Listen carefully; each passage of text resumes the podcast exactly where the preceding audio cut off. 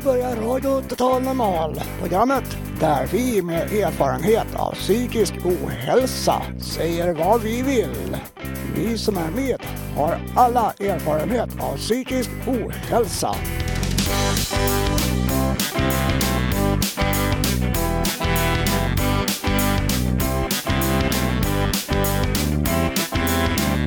Du lyssnar på Radio Total Normal, 101,1 MHz. Totalt normalt. Radio Total Normal, torsdagar från två till halv fyra. Vi livesänder med publik från Götgatan 38 i Stockholm. Kom hit och lyssna. Här är alla röster lika värda.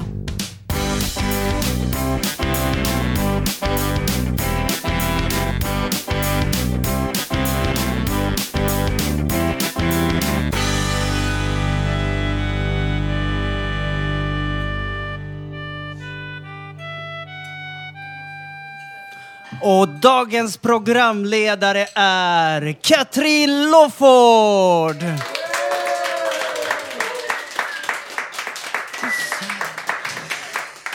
Ja, tack, tack kära ni. Och hej och välkommen till vår 69 sändning live från Götgatan. Uh, mitt namn är då Katrin Loford, ja, och jag hoppas hoppas verkligen idag på lite speed i inslagen och action mellan varven. Och du som själv vill vara med och svara på frågor, hoppa gärna fram nu så är chansen större att du kommer med. Mm, så är det.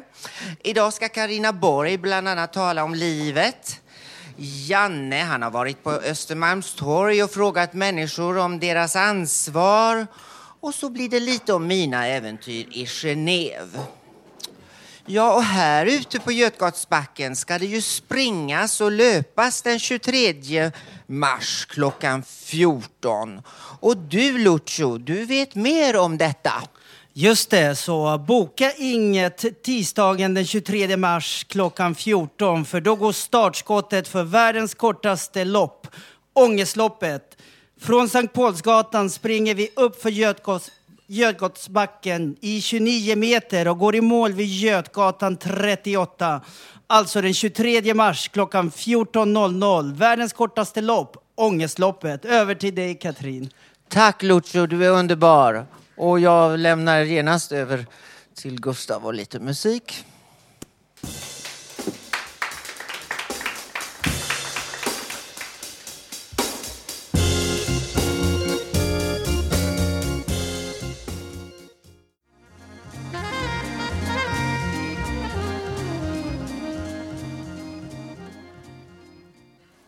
Ja, det var Heavenly Blue. Och Karina Borg som valde den låten ska nu även få ordet. Varsågod. Ja, hej, jag heter då Karina Borg och har varit med och valt dagens musik som handlar om saknad och längtan efter kärlek. Heavenly Blue av Staffan Abelén, Lars Fernlöf spelar min bekant Björnett saxofon i. Björn har varit med i en musikgrupp på RSMH Solbergagården tidigare och då spelade han sopransax som clowner använder och de klädde ut sig till clowner med och hade kul och roade. Jag har samarbetat med Björn över MySpace, Pop och Stropp via Studio IT de närmaste åren. Jag har även samarbetat med min pojkvän Hans Peter där som också spelar sax och det var honom jag diktade om förra veckan i min syn på att leva med en alkoholist som ju skärpt till sig ibland med. Jag har gjort en låt som heter Turn to me som han spelar i här i sändning idag. Jag vill hälsa till några bekanta som jag stött på genom gospel med Andreas Aleman, André Delange. Och så nu ska jag läsa en dikt som heter Livets riktningar betraktelser. Livet är stort och mäktigt. Livet är skört och bräckligt. Livet är förunderligt och bär även svaghet. Livet är som när en vårflod bryter fram, stor och mäktig. Den slår sig fri från allt som hindrar den. Livet är kraftfullt, som när något som vilat blir på nytt fött och drar fram. Livet är inte enbart tystnad och stillhet. Det vore väl trist i så fall. Livet är inte enbart ljuvt som en blomma. Det vore väl overkligt då. Du kan aldrig fånga livet på det sätten och leva det i denna enhet. Likt en flod så måste vi få flyt i livet. Livet är som vi lever det och betraktar det.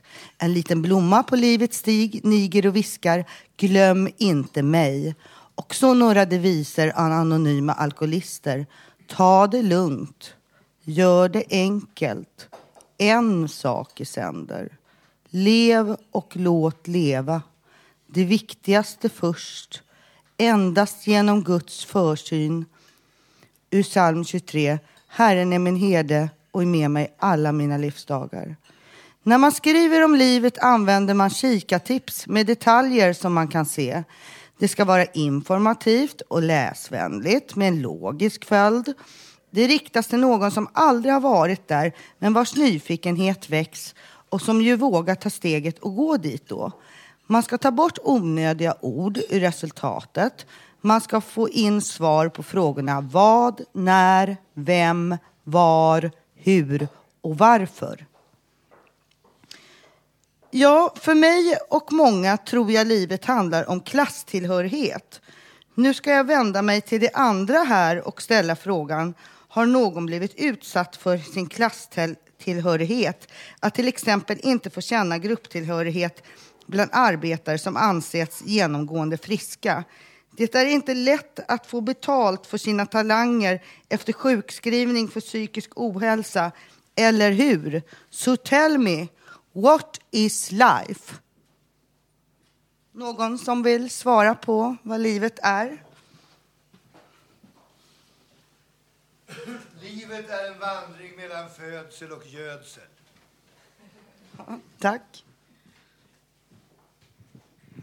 Eh, Eh, när det gäller eh, klasstillhörighet och sådana saker så kan man ju säga så här att varje människa föds med kanske inte något i ryggsäcken alla gånger som ska vara något negativt utan det kan ju vara också något positivt. Att vad ens förfäder har gjort och sysslat med och så, det har man ju liksom direkt när man föds. Och sen träffar man andra människor i livet som man eh, får relation till på något sätt. På arbetet eller utländska relationer, och diplomatiska relationer och så för politiker och så vidare. Och det där gör att det, det är det som bygger upp livet, det är det som bygger upp människan. Och sen hur man förvaltar sina gamla medärvda positiva egenskaper eller de egenskaper man har, från hur man förvaltar det och sen hur man förvaltar de nya kontakterna, det är det som, som, som är avgörande. Ja, tack.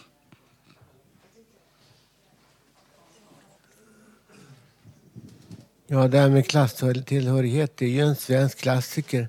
Och Sverige anses väl i många länder att vara vänstervridet. Och vi har haft 47-50 års socialdemokratiskt styre.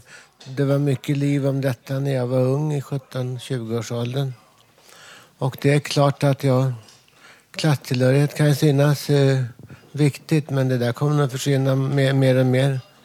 Jag är rädd för att vi kommer inte behöva göra de, de arbetena vi, vi behövde förut. Man kommer få, få basera sådana saker som klasstillhörighet på kunskap och förmåga att, att prata på ett annat sätt. Tack. Tack. Här har vi en till. Tack. Jo, eh, jag tänkte det här rätt intressant det här om klasstillhörighet och hur man ser på livet.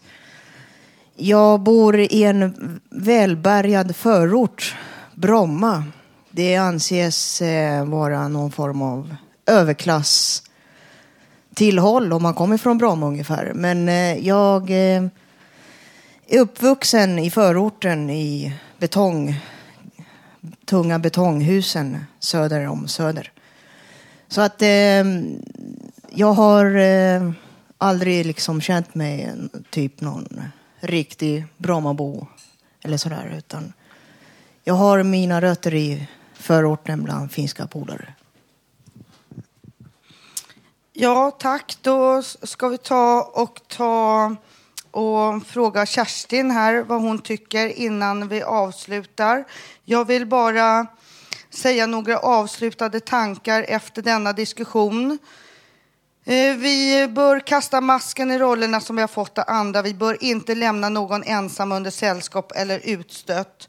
Jag vill nämna ett exempel på vad Mona Sahlin har sagt en gång. Stå på dig, annars ställer sig någon annan på dig.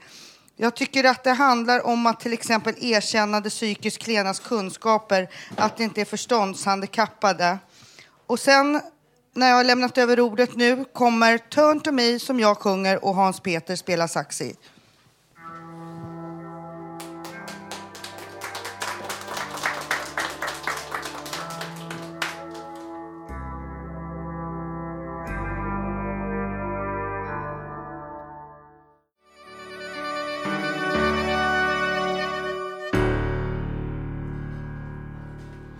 Ja, och Kerstin har jag inte sett. Hon försvann här tror jag.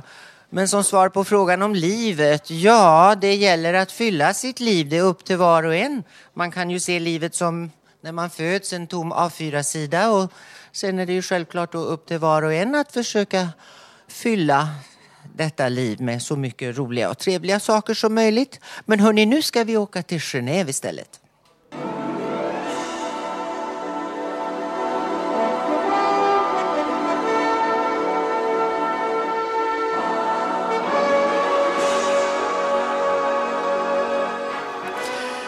Vi lämnar Rivieran, filmfestivalen i Cannes, åker norrut och... Meine Damen und Herren, direkt vom Flughafen, für Sie gerade angekommen mit Ihrem Special. Wir freuen uns, Sie heute für Sie vorstellen zu dürfen. Ladies and Gentlemen, direct from the airport, the one and only, and here she is, Mesdames et Messieurs, pour vous, de Catherine Lofort Show.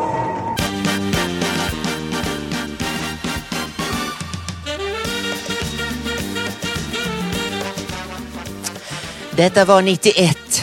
Jag hade varit i Genève förut och rekognoserat terrängen som jag brukade kalla det när jag kom till en ny plats för att checka vilka scener och nattkabaréer som var bäst och mest lönsamma att jobba på. Och eh, Maxim var ju störst förstås, men skulle min lilla one woman show räcka till för denna enorma scen? Nej, så jag fick tips om Le Milliardaire som låg uppe vid flygplatsen inrymt i hotell Holiday Inn och granne med stora mässhallen Palexpo. Övervåningen var som vilket dansställe som helst. Ett diskotek där medelålders män och kvinnor kom för att dansa och träffas. Men i avdelningen en trappa ned låg L'Equipage som var en kabaré med uppträdande och champagne i relativt sofistikerad miljö. Reklamen löd Nuit coquin, nui kalin. syndiga nätter, heta nätter. Ja, det var inte alls tokigt. Dessutom hade jag länge tänkt att i just Genève, denna internationella diplomatstad med sin speciella prägel, där måste jag ju bara gästspela några månader. Ja, min våning här i Stockholm hyrde jag ut i andra hand. Och själv hyrde jag nu ett rum, inte stort men centralt och nära till badet Bain de Paquis. Där minns jag man kunde bland annat åka vattenskidor ända in till slutet av september och soliga dagar kunde man skymta i horisonten den snöbeklädda toppen av Mont Blanc. Ja, Schweiz har ett bra klimat. I november dock märkte jag att inkomsterna här i Genève inte riktigt motsvarade vad jag trott. Det förekom kvällar då man kanske bara sålde en eller två flaskor. Och på en piccolo, en miniflaska, var det inte mycket procent eller förtjänst. Men till flaskorna, förstår ni, fick vi fina snittar med gåslever på och mycket annat. Mitt gage var väl okej, men jag hade haft högre på andra ställen. Rummet kostade och jag kände, nej, det här går ju bara plus minus noll. Och under tiden jag var där bytte de chef Och den nye, honom kunde jag inte samarbeta med. Jag blev mer och mer frustrerad. Och till slut började jag inte mina kvällar i logen med att eh, sminka mig. Nej, jag började komma lite tidigare och gå till köket och kylskåpet. För där inne fanns den där goda gåslevern som jag knappt längre kunde motstå. Ja, den var så god och som ett barn stod jag där och åt ibland. Det eh, blev eh, klagomål på att det saknades gåslever men ingen av oss erkände. Ja, men sen en kväll blev jag tagen på bar gärning. Och den nya hemske chefen han sa Nåväl, du får jobba färdigt ikväll. Du får din slutlön. Men sen är du inte välkommen längre. Usch. Ja, det var ju en snörplig sorti. Och jag skämdes över hur jag kunnat vara så dum och naiv. Jag kunde ju ha köpt en bit gåslever istället.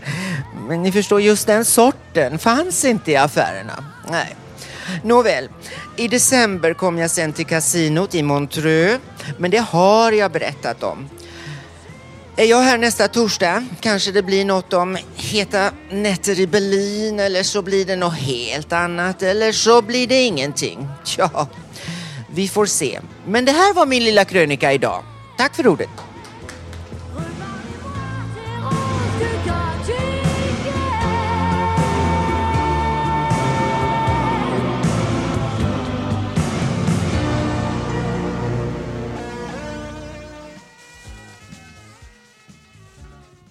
Ja, och nu har vi Robert Navestam på plats som ska läsa en monolog. Varsågod Robert. Jag ska läsa en monolog nu denna torsdag i februari. Var ska du få vila? Var slutar din resa, du lilla smutsiga? Var ska du få vila? På vilken säng ska du få ligga ner och tänka, det här, det varar längre än kort. Här kan jag äntligen få vila, få andas ut. Tror du att du inte förtjänar detta? Tror du att någon som är finare eller mer duglig än dig ska få den plats som du längtat efter under så många år?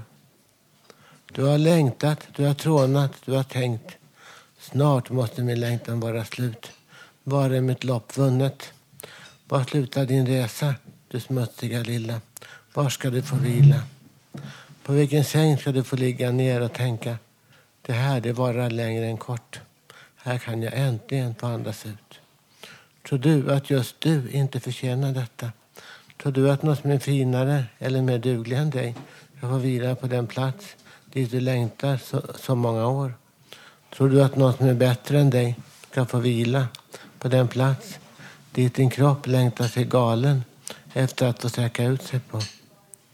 Tror du med berått mod att du är finare än mig, då ska du få detta och inte jag.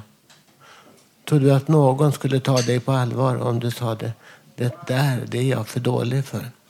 Tror du att någon enda skulle ta dig på allvar om du sa det? Det där är jag för dålig för. Inte tror väl du seriöst ens en enda liten myra skulle tycka synd om dig så att du då fick den plats.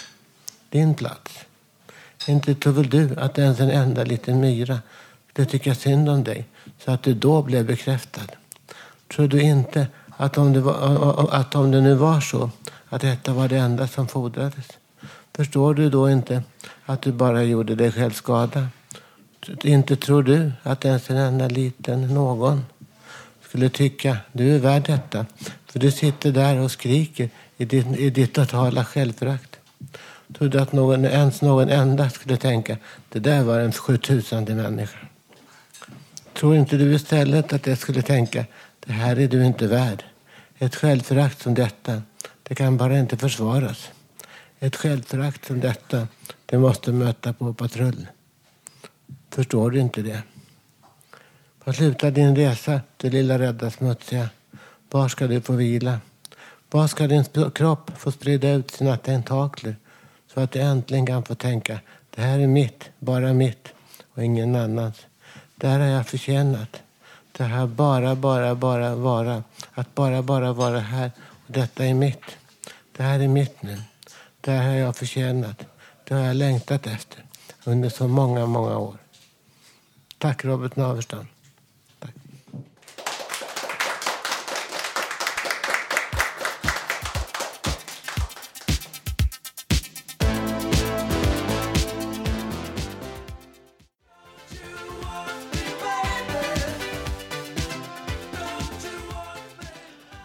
Du lyssnar på RTN 101,1. Och du som vill vara med här, mejla gärna till info snabel a radiototalnormal.se eller ring efter sändning. Ring vet jag. Numret är 0736 70 72 48. Nu ska vi få höra lite om att ha valfrihet eller inte. Och det är Susanna Skogsberg som är här. Skogberg, förlåt mig, förlåt. Ja, varsågod Susanna. Ja, tack så mycket. Att ha valfrihet eller inte. Jag undrar ofta vad är meningen med livet? Varför jag gör de val jag gör? Val av bostad, hyresrätt eller bostadsrätt. Val av frisyr, utsläppt eller uppsatt. Sminkad eller osminkad. Att vara vacker, tilltalande för männen eller för sig själv. Eh, knappast. Jag vill ej vara tilltalande eller attraktiv. Val av arbete, val av partner, att välja livet, välja lyckan. Jag väljer att väl ej välja något. Jag bara är, flyter som en livboj på vattnet. Jag avvaktar, betraktar livet ur ett perspektiv. Jag är en åskådare. Jag vill ej leva ut i lycka. Det är ej så enkelt att delta i livet, ha senaste mobilen, snyggaste sminkningen. Känna bekräftelse och bli bekräftad. Nej tack. Jag behöver ingen bekräftelse på att jag duger. Inte av män eller någon annan. Jag tror på mig själv mer än förr. Att tro på sig själv, känna säkerhet. Det är ej så lätt. Det är mycket svåra begrepp, trots allt. Lätt för mig att säga det, men eh, det är någonting jag tampas med dagligen. Jag är en betraktare av livet. Jag ser livet som genom ett fönster med regndroppar på. Livet är för mig också hundarna, djuren att vårda, klappa, gosa. Få respons från hundar som har farit illa, som har blivit misshandlade. Som gör framsteg och får ett nytt hem. Eh, jag har hittat något i mitt liv trots allt. Människor och djuren. Eh, men ändå, återigen, en betraktare vid sidan av livet. Vara reserverad. Ej träffa någon partner. Min rädsla. Jag vågar ej. Inte nu. Jag är en betraktare som kommer att bryta detta och detta tror jag, gå min egen väg, vara fri. Jag känner mig fri. Jag känner mig ofta som i ett fack, ett vårdpaket, ett decennium av medicineringar inom psykiatrin. Det är ofta man slussas runt i olika verksamheter. Jag är trött på detta. Tänk om jag skulle ta mig till Arbetsförmedlingen och liksom säga nu vill jag prova på att jobba som undersköterska. Eh, jag har varit borta i tio år. Nej, det är inte så enkelt. Man eh, möts av ett frågetecken. Tio år, vad har du gjort? Nej, istället får man gå olika sorts behandlingar, arbetsförberedande verksamheter och eh, ja, ni kanske känner igen er. Man är som i ett fack. Jag är lite ironisk, pratar lite svarta tankar, satir.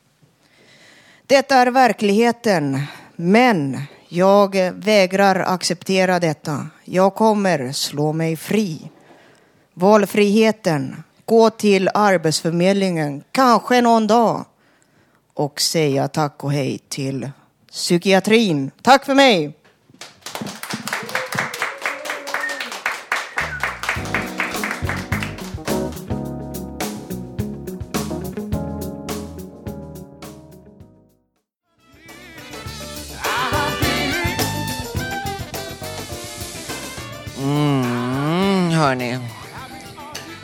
Sitter jag och smuttar på en frozen cheesecake och lite färska jordgubbar.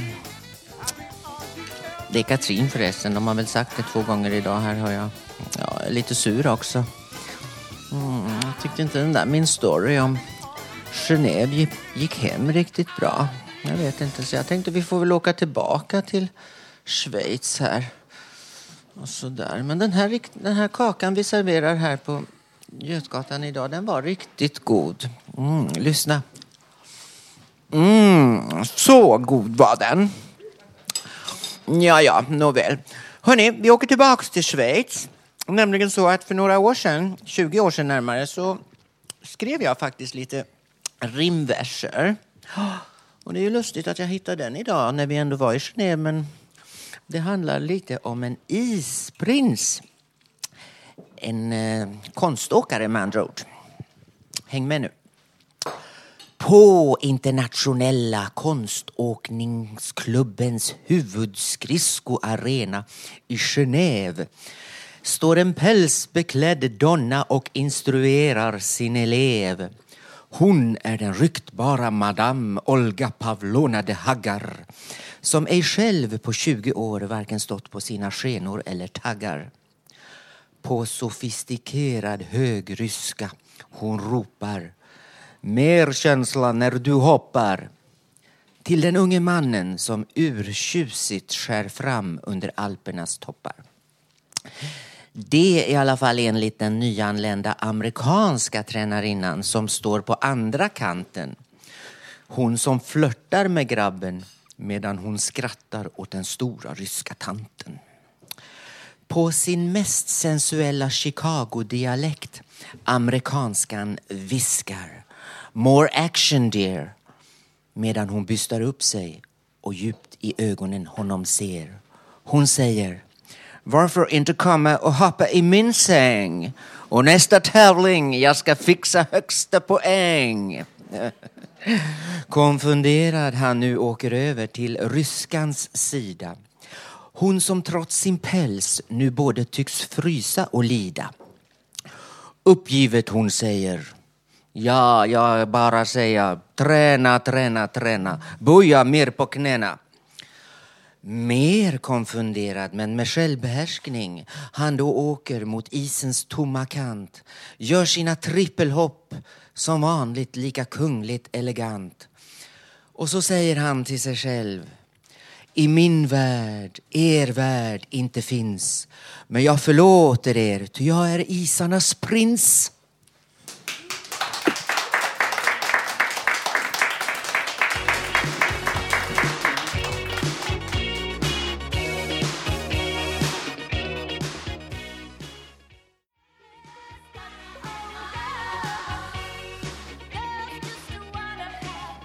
Ja, du lyssnar fortfarande på Radio Total Normal. Och ja, jag har nu ätit upp mina jordgubbar. Eh, ni har väl inte glömt att det är eftermiddagsrock nu på lördag mellan klockan 15 och 18 på Kägelbanan på Mosebacke. Och det är för att Fountain House med sin unika rehabiliterande verksamhet har nu funnits här på Götgatan i 30 år. 30-årsjubileum alltså. Så är det, så hjärtligt välkomna. Och nu ska Monica Johansson tala om sin osynlighet. Ja, hej, jag heter Monica Johansson som sagt var. Och eh, förra veckan då läste jag den här berättelsen om den där flickan som satt ensam och skrev och skrev och satt ensam och skrek. Skrek tyst, skrek tyst. Hade sönder saker. Hade sönder saker och sig själv. Hon hoppades på att någon gång bli hörd, att det var någon gång, någon gång som folk skulle höra henne. Eller se henne, att det var någon som skulle se den här rädda flickan. Och det har inneburit, för att haka på det här som har pratats om tidigare, att eh, ja, jag helt enkelt har varit osynlig för mig själv ungefär hela livet. Jag är 47 år idag. Och varför jag pratar om det här nu, det är eh, det är kanske jobbigt, det är väldigt jobbigt ska jag säga för mig, det är det verkligen alltså. Eh, och jag, det sista jag vill, det är att, jag är inget offer, absolut inte, men jag är 47 år idag och jag vill med, genom min historia att man ska ta lärdom av att det här ignorerandet av främst sina föräldrar då, eftersom det är de som barnet har att eh, ty sig till.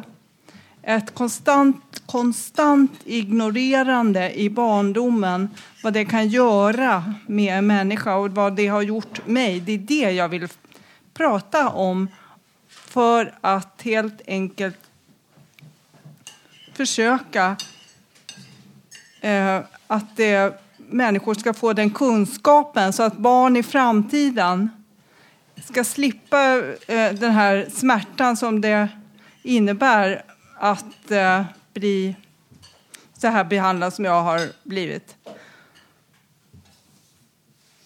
Ignorerad och så. Och vi, vi hade i min familj absolut inga kontakter. Vi var en stängd en stängd ö utan vänner eller släktingar som vi upp, umgicks med. Det fanns, det fanns ingen, som, ingen kärlek eller värme i kommunikationen oss familjemedlemmar emellan heller. Det var bara hårda ord, verbalt och äh, icke-verbala påhopp, det vill säga alltså med miner, gester, blickar ni vet sånt där som man äh, kan, det kan säga mer än tusen ord. En hård, kall blick. Det absolut värsta var den där fruktansvärda tystnaden. Att det var så tyst hemma.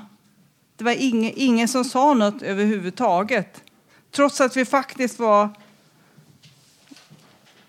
sju personer vi var som sju vandrande vålnader utan kommunikation sinsemellan. Speciellt jag. Eh, ja, och det kan man tro, jaha, det är bara att det är jag som upplever att jag eh, var typ det svarta fåret. Eh, men hur, hur kan man... Ingen kan säga någonting annat om att min mamma, hon Eh, helt enkelt måste inte ha velat haft mig helt enkelt. För hon, det var bara mig hon inte pratade med, det var bara mig hon inte såg. Och som sagt var, jag tycker inte synd om mig själv. Jo, ibland gör jag det faktiskt. Men jag menar, alltså jag, jag, jag försöker leva, det är det som, jag, som är så svårt, att jag försöker leva så bra jag någonsin kan. Men eh, som sagt jag har aldrig fått de här verktygen. Jag har aldrig fått eh, vetskapen om hur man kan göra i livet för att må bra. Som de flesta andra förhoppningsvis lär sig under uppväxten.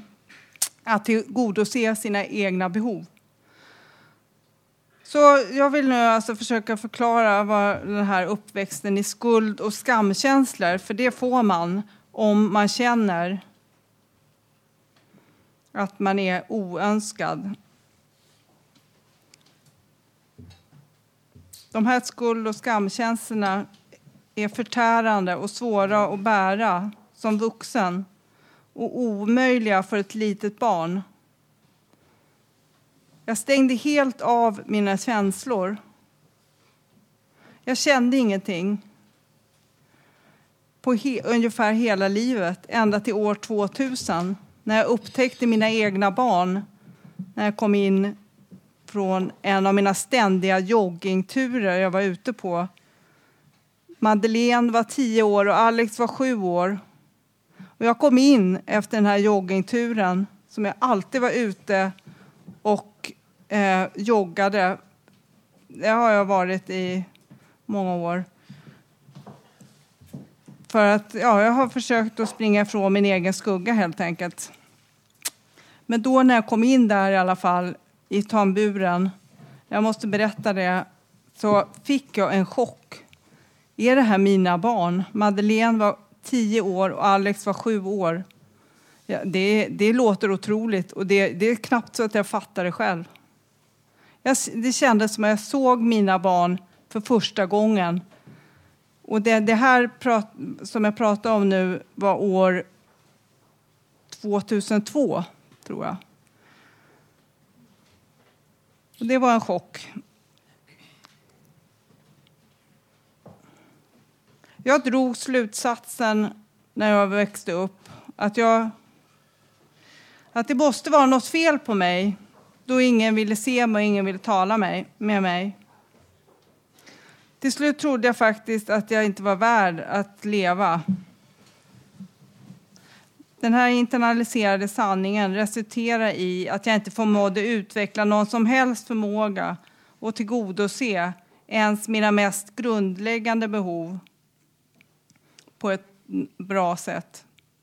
En förmåga som jag har tillägnat mig på senare tid, att kunna bejaka mina behov. Det inlärda i det här budskapet som, är, som inte kan tydas av små barn. Känslan av att vara oönskad och känslan av att vara oälskad och vara övergiven, det sätter spår, det garanterar jag. Mönstren går inte ur, går aldrig ur. De hänger med, det här inlärda självföraktet som uppväxting i isolering och ignorering ger. Jag har slitit hårt för att förstå att jag överhuvudtaget har rätt att leva. Nu först, när jag är 47, 47 år, så kan jag förstå faktiskt att jag har rätt att leva. Att jag står här, det är som ett under att jag överhuvudtaget vågar stå här och prata till er i radion. Det är ett under och jag är mycket glad för det. Min uppväxt har tyvärr, tyvärr resulterat i att jag valt konstiga destruktiva förhållanden och situationer som ingen människa med ett uns av självaktning skulle tillåta sig att hamna i. Mitt liv har inneburit ett självdestruktivt leverne in absurdum. En läkare sa till mig för ett tag sedan du har verkligen gjort allt för att ta död på dig själv, men tydligen inte lyckats. Det finns mycket mer att berätta. Det finns verkligen mycket mer att berätta. Det, och jag, det känns viktigt, verkligen viktigt. För jag tycker inte om att tala om svåra saker, för jag känner liksom att det blir en svart, tung, som ett täcke över mig, vilket jag inte vill. För jag, jag är en ljus människa, jag är en hoppfull människa. Och därför vill jag poängtera att jag känner mig som en stolt kvinna och jag är glad. Jag är glad att jag fortfarande lever och är, inte minst, kära vänner, jag har en dikt till mina barn där jag beskriver min kärlek till dem och att jag är så glad att jag faktiskt upptäckte dem när de var tio respektive sju år. Ja, det låter inte klokt. Men jag har läst den här eh, dikten för dem och jag har pratat mycket om det och jag är glad att jag vaknade upp eh, ändå när de var tio och sju år istället för att jag vaknar upp när jag är 70 och gammal och grå och de är vuxna och så. så att, för då har vi kunnat prata och hela det här. Så att jag har berättat, jag, vad jag vill säga nu, för att fatta mig kort här på sluttampen, så har jag berättat om det här eh, även om det är väldigt svårt för mig, det är det verkligen, så vill jag ge en beskrivning av vad, ett liv, vad det här livet i isolering och ständig ignorering, vad det kan göra med en växande individ. Eh, vad det kan göra med ett barn. Jag vill ge kunskap om de här förödande konsekvenserna kärlekslösa uppväxtvillkor kan få. Jag hoppas på ökad förståelse och att dessa kunskaper i framtiden ska kunna förhindra fler olyckliga barns och vuxnas livsöden som mitt. Eh, ja, eh, det är min absoluta förhoppning. Jag ska avsluta med en, en eh, dikt som jag, jag fann faktiskt, jag hade glömt att jag skrev den. Den skrev den 1 augusti förra året. Och eh, jag blev helt förvånad när jag faktiskt, att jag överhuvudtaget har skrivit den här. För den belyser så himla bra. Jag hittade den här om dagen. Och den belyser så hiskeligt bra vad jag, hur jag känner nu. Den glädje och lycka jag känner över att faktiskt vara, att jag syns nu att jag finns helt enkelt, som jag har förstått. Att jag faktiskt får finnas. Så här går den. Det är det enda jag gör. Ner på stan, ner på stan. Där går jag och folk jag möter ser ner. De ser mig inte mer. Jag gråter inom mig. Svårare svåra, förtvivlade tårar. Svåra, förtvivlade tårar. Det gör så ont att inte bli sedd mer. Att de bara ser ner. Jag blir ledsen. Jag ser att de inte vill se.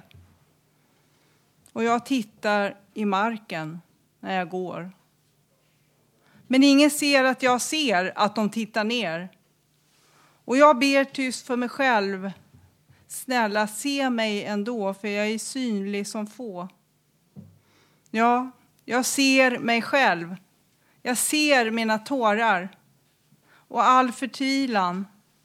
Tack och lov att jag kan se mig själv. Att jag kan se mig själv.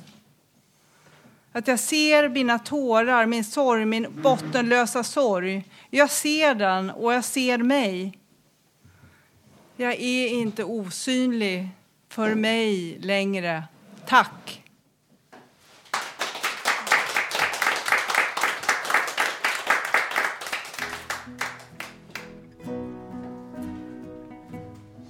Ja, kära Monica, det var mycket om osynlighet där och på slutet fick du ju till det. Jag hade tänkt att säga, du syns ju. Du syns här och nu.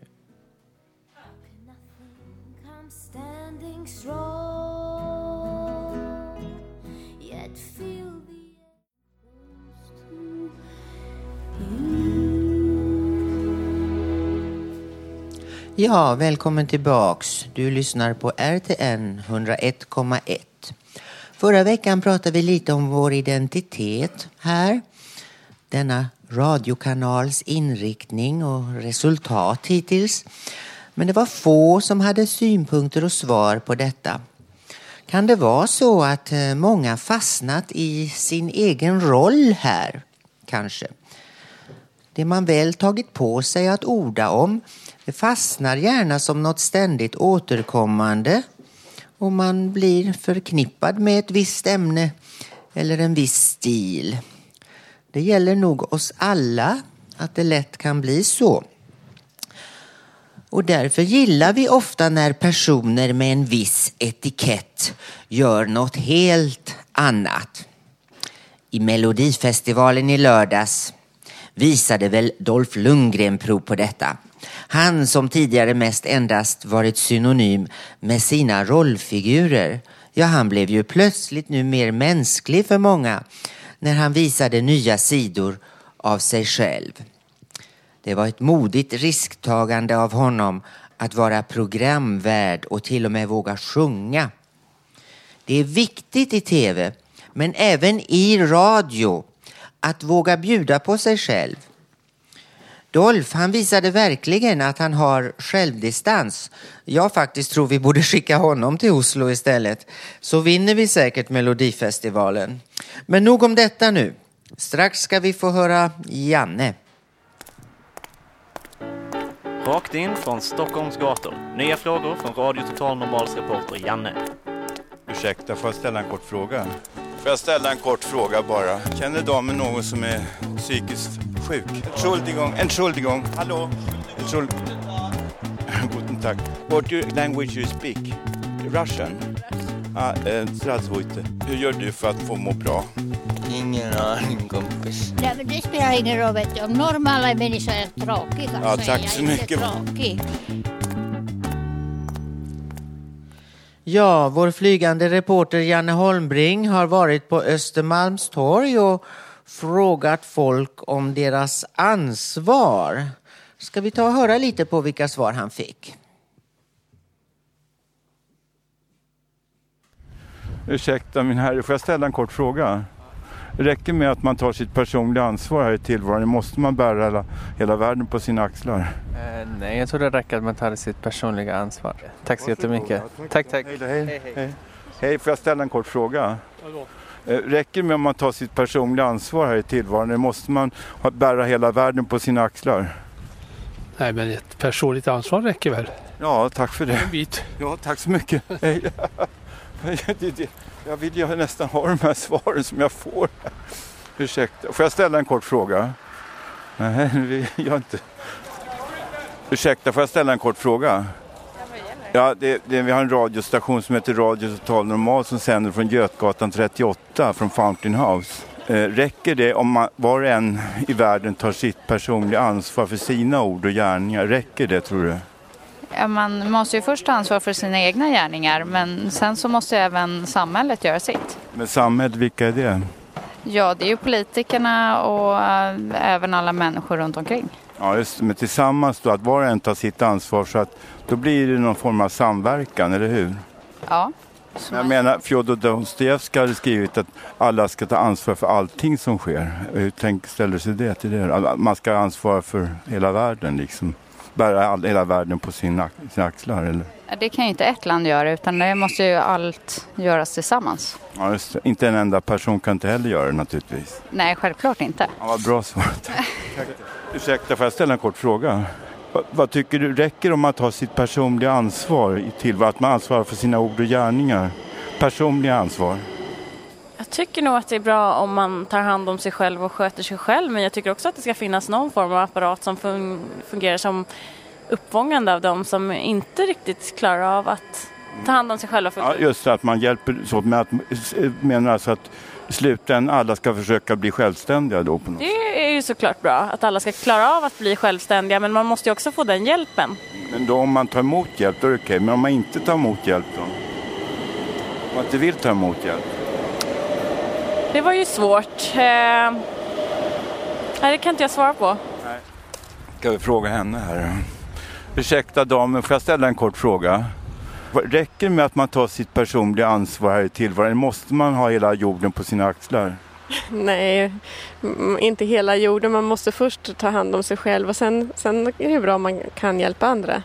Naturligtvis. Det, är ju, behöver ju räcka en hand till varandra, det är klart. Men eh, man måste ju... Det är en balans där. Ni verkar mer solidariska här på Östermalm. Det trodde man inte. Jag trodde det skulle vara jävla miljonärer och snåljåpar och allt möjligt här. Men då har vi, då har vi, då har vi avlivat den myten en gång för alla. Tack så jättemycket. Ja, jag bor i Edsberg. Så. Ja men det är ännu flottare. Ja, jag har bott i Täby. Hej. Ja, tack. Jag fråga här. Ursäkta dam, får jag ställa en kort fråga?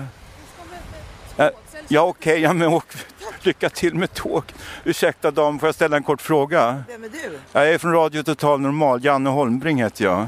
Reporter här. Ja, vi, vi har vunnit första pris som Sveriges bästa närradiostation den 23 september förra året. Ja, ja, på ja, du får komma in till oss. Ja, du är välkommen. Nu frågar vi så här. Eh, Räcker med om man tar sitt personliga ansvar här i världen? Om man orkar inte bära hela världen på sina axlar, räcker det det om man gör det åtminstone?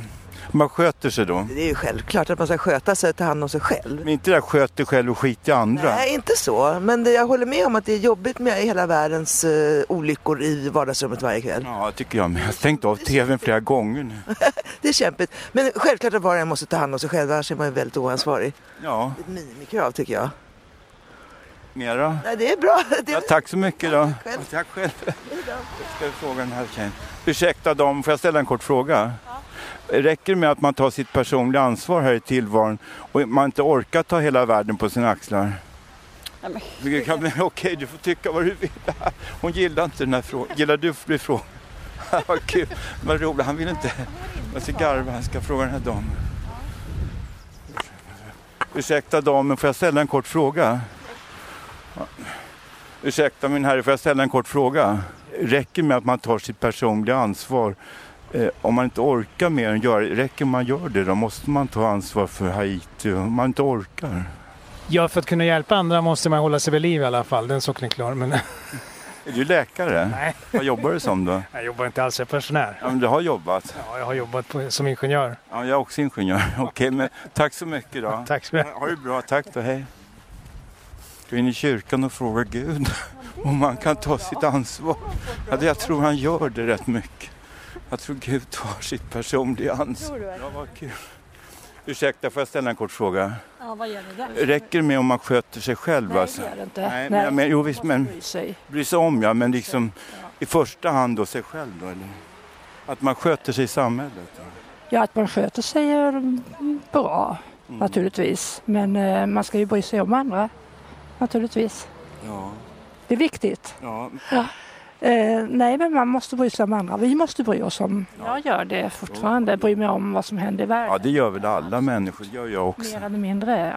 Ja. Kom gärna till radion på torsdag mellan två och halv fyra. 101,1 megahertz. Och på webben rad, www.radiototalnormal.se. Lyssna. Tack ska du ha. Tack. Hej.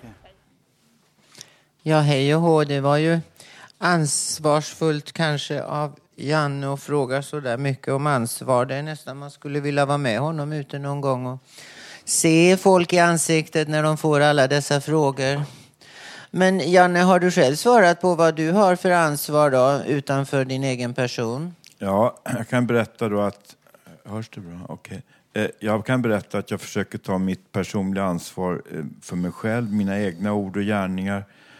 Och att jag försöker eh, samarbeta då med eh, de som går att samarbeta med, sjukvården och eh, vårdgivare och de människor jag har omkring mig.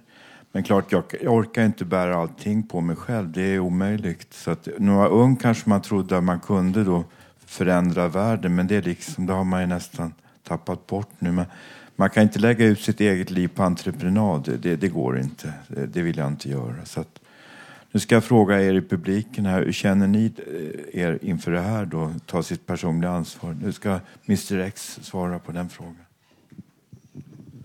Ja, jag har tänkt lite grann på det här att om någon har hjälpt dig och dina vänner eller grupp, det kan vara befolkningsgrupper eller så, det behöver inte vara jätteavlägset, det kan vara i närområdet och så.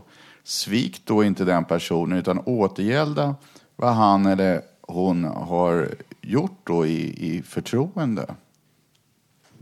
Tack. Karina. Ja, jag tror att när man mår väldigt dåligt då kan man inte hjälpa andra. Och det tror man oftast att man kan. Utan man behöver bygga upp sig själv för att komma vidare och ta ansvar för sig själv hur man mår och så här. Och sen så tror jag det här med ansvar, det är någonting som faktiskt vi är politiska frågor och det vilar på politikerna att eh, ta hand om oss ordentligt så alla kommer med på en kant. Tack. Robert? Ja, att uh, vänta sig politikerna. Jag menar, vi har haft slaveri i hela världen och människor har bråkat alla år. Det är ungefär som att säga till en åsna att det där, din bak är framåt och din, fram är, och din framdel är bakåt. Och det är liksom... Det. Men jag vet inte. Tack. Ja, Robert tar ansvar för sig själv och för sin lilla katt. Elvis heter katten. Jag har träffat honom. Okej. Katrin? Ja du Janne, som programledare här och nu känner jag ett visst ansvar för att få ihop det här på sluttampen. Vi har tre punkter kvar. Det är också ett ansvar. En kvart har vi kvar. Och ja... Är det personligt ansvar? Jag vet inte. Här och nu är det ju det i alla fall. Så. Ja, så så är det. Nu blir det musik.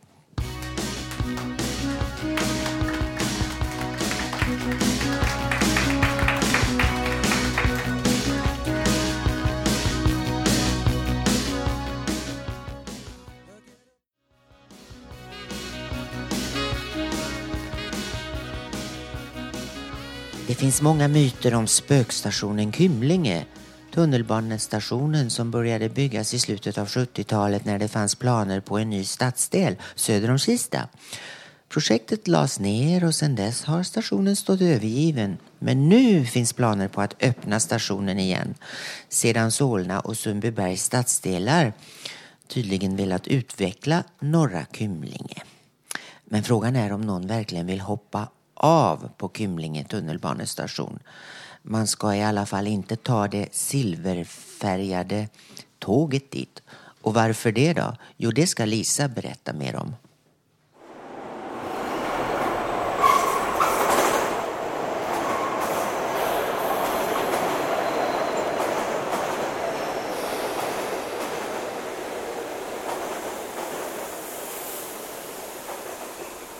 Genom tunnelbanan som går under Östermalm kommer emellanåt ett silverfärgat tåg skramlande. Det finns bara ett sådant tunnelbanetåg i Stockholm. Alla andra är gröna eller blå. Det silverfärgade tåget går bara sträckan Fruängen, Mörby, Ropsten. Om det här tåget med gnisslande bromsar glider in på stationen är det säkrast att vänta på nästa. Det är ett spöktåg som inte går efter någon tidtabell.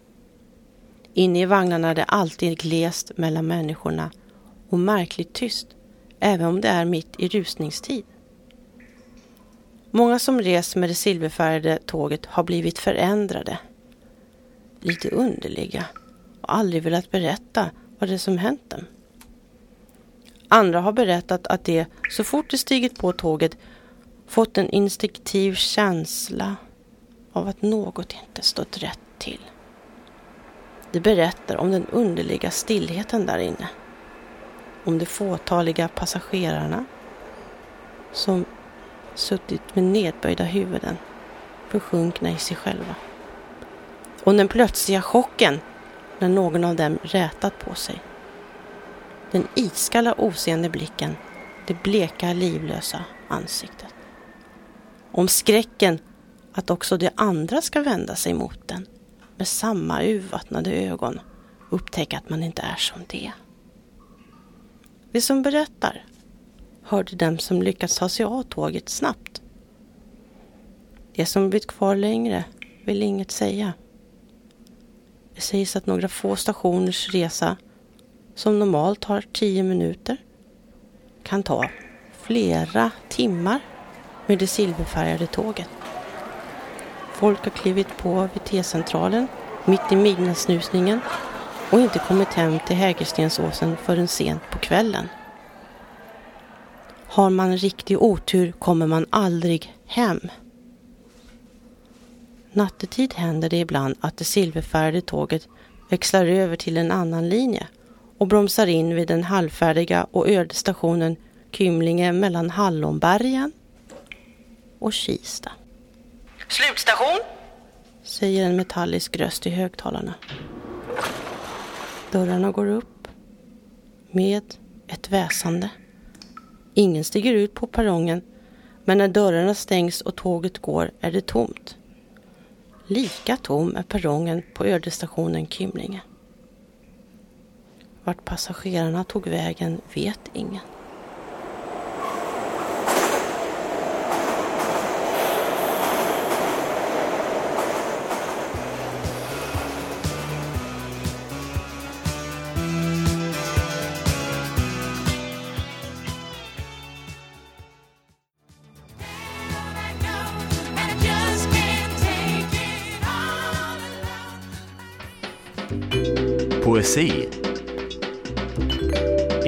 Radio Total Normal.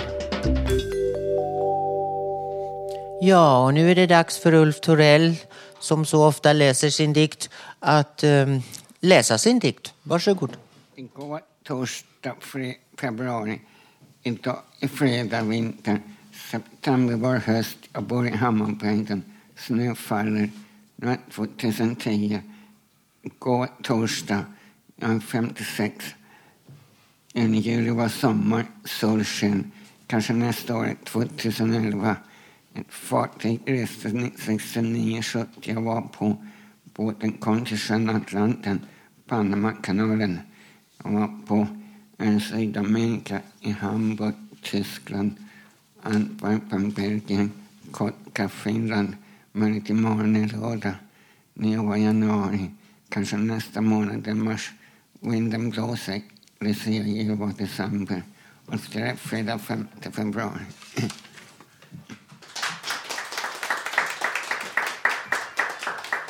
Ja, då har ni åter hört en sändning av Radio Total Normal. Det var Gustaf Sondén som var tekniker i vanlig ordning. Musikläggare, det var Ronald Larsson och Karina Borg. Och vår projektledare, det är Bodil Lundmark. Mitt namn är Katrin Loford och vi återkommer nästa torsdag klockan 14. Ha en trevlig kväll. Hej då!